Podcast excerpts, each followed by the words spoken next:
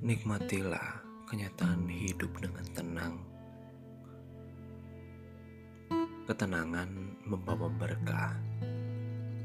Ketenangan pula membuat pikiran menjadi lebih jernih. Pikiran yang jernih membuka jalan untuk mencapai tujuan. Menghadapi permasalahan yang sulit, tetaplah harus memiliki ketenangan.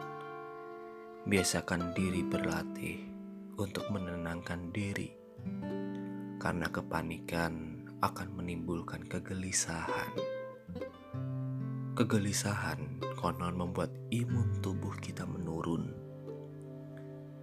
Imun tubuh yang menurun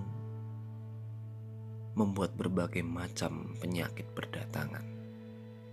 Tetaplah waspada setiap saat, mematuhi protokol kesehatan dalam menghadapi situasi pandemi ini. Tenanglah dan waspada serta siap siaga. Kita butuh untuk belajar melatih diri berulang-ulang, membiasakan diri menuju ketenangan jiwa yang mendatangkan berkah, keselamatan, kesehatan, dan kebahagiaan.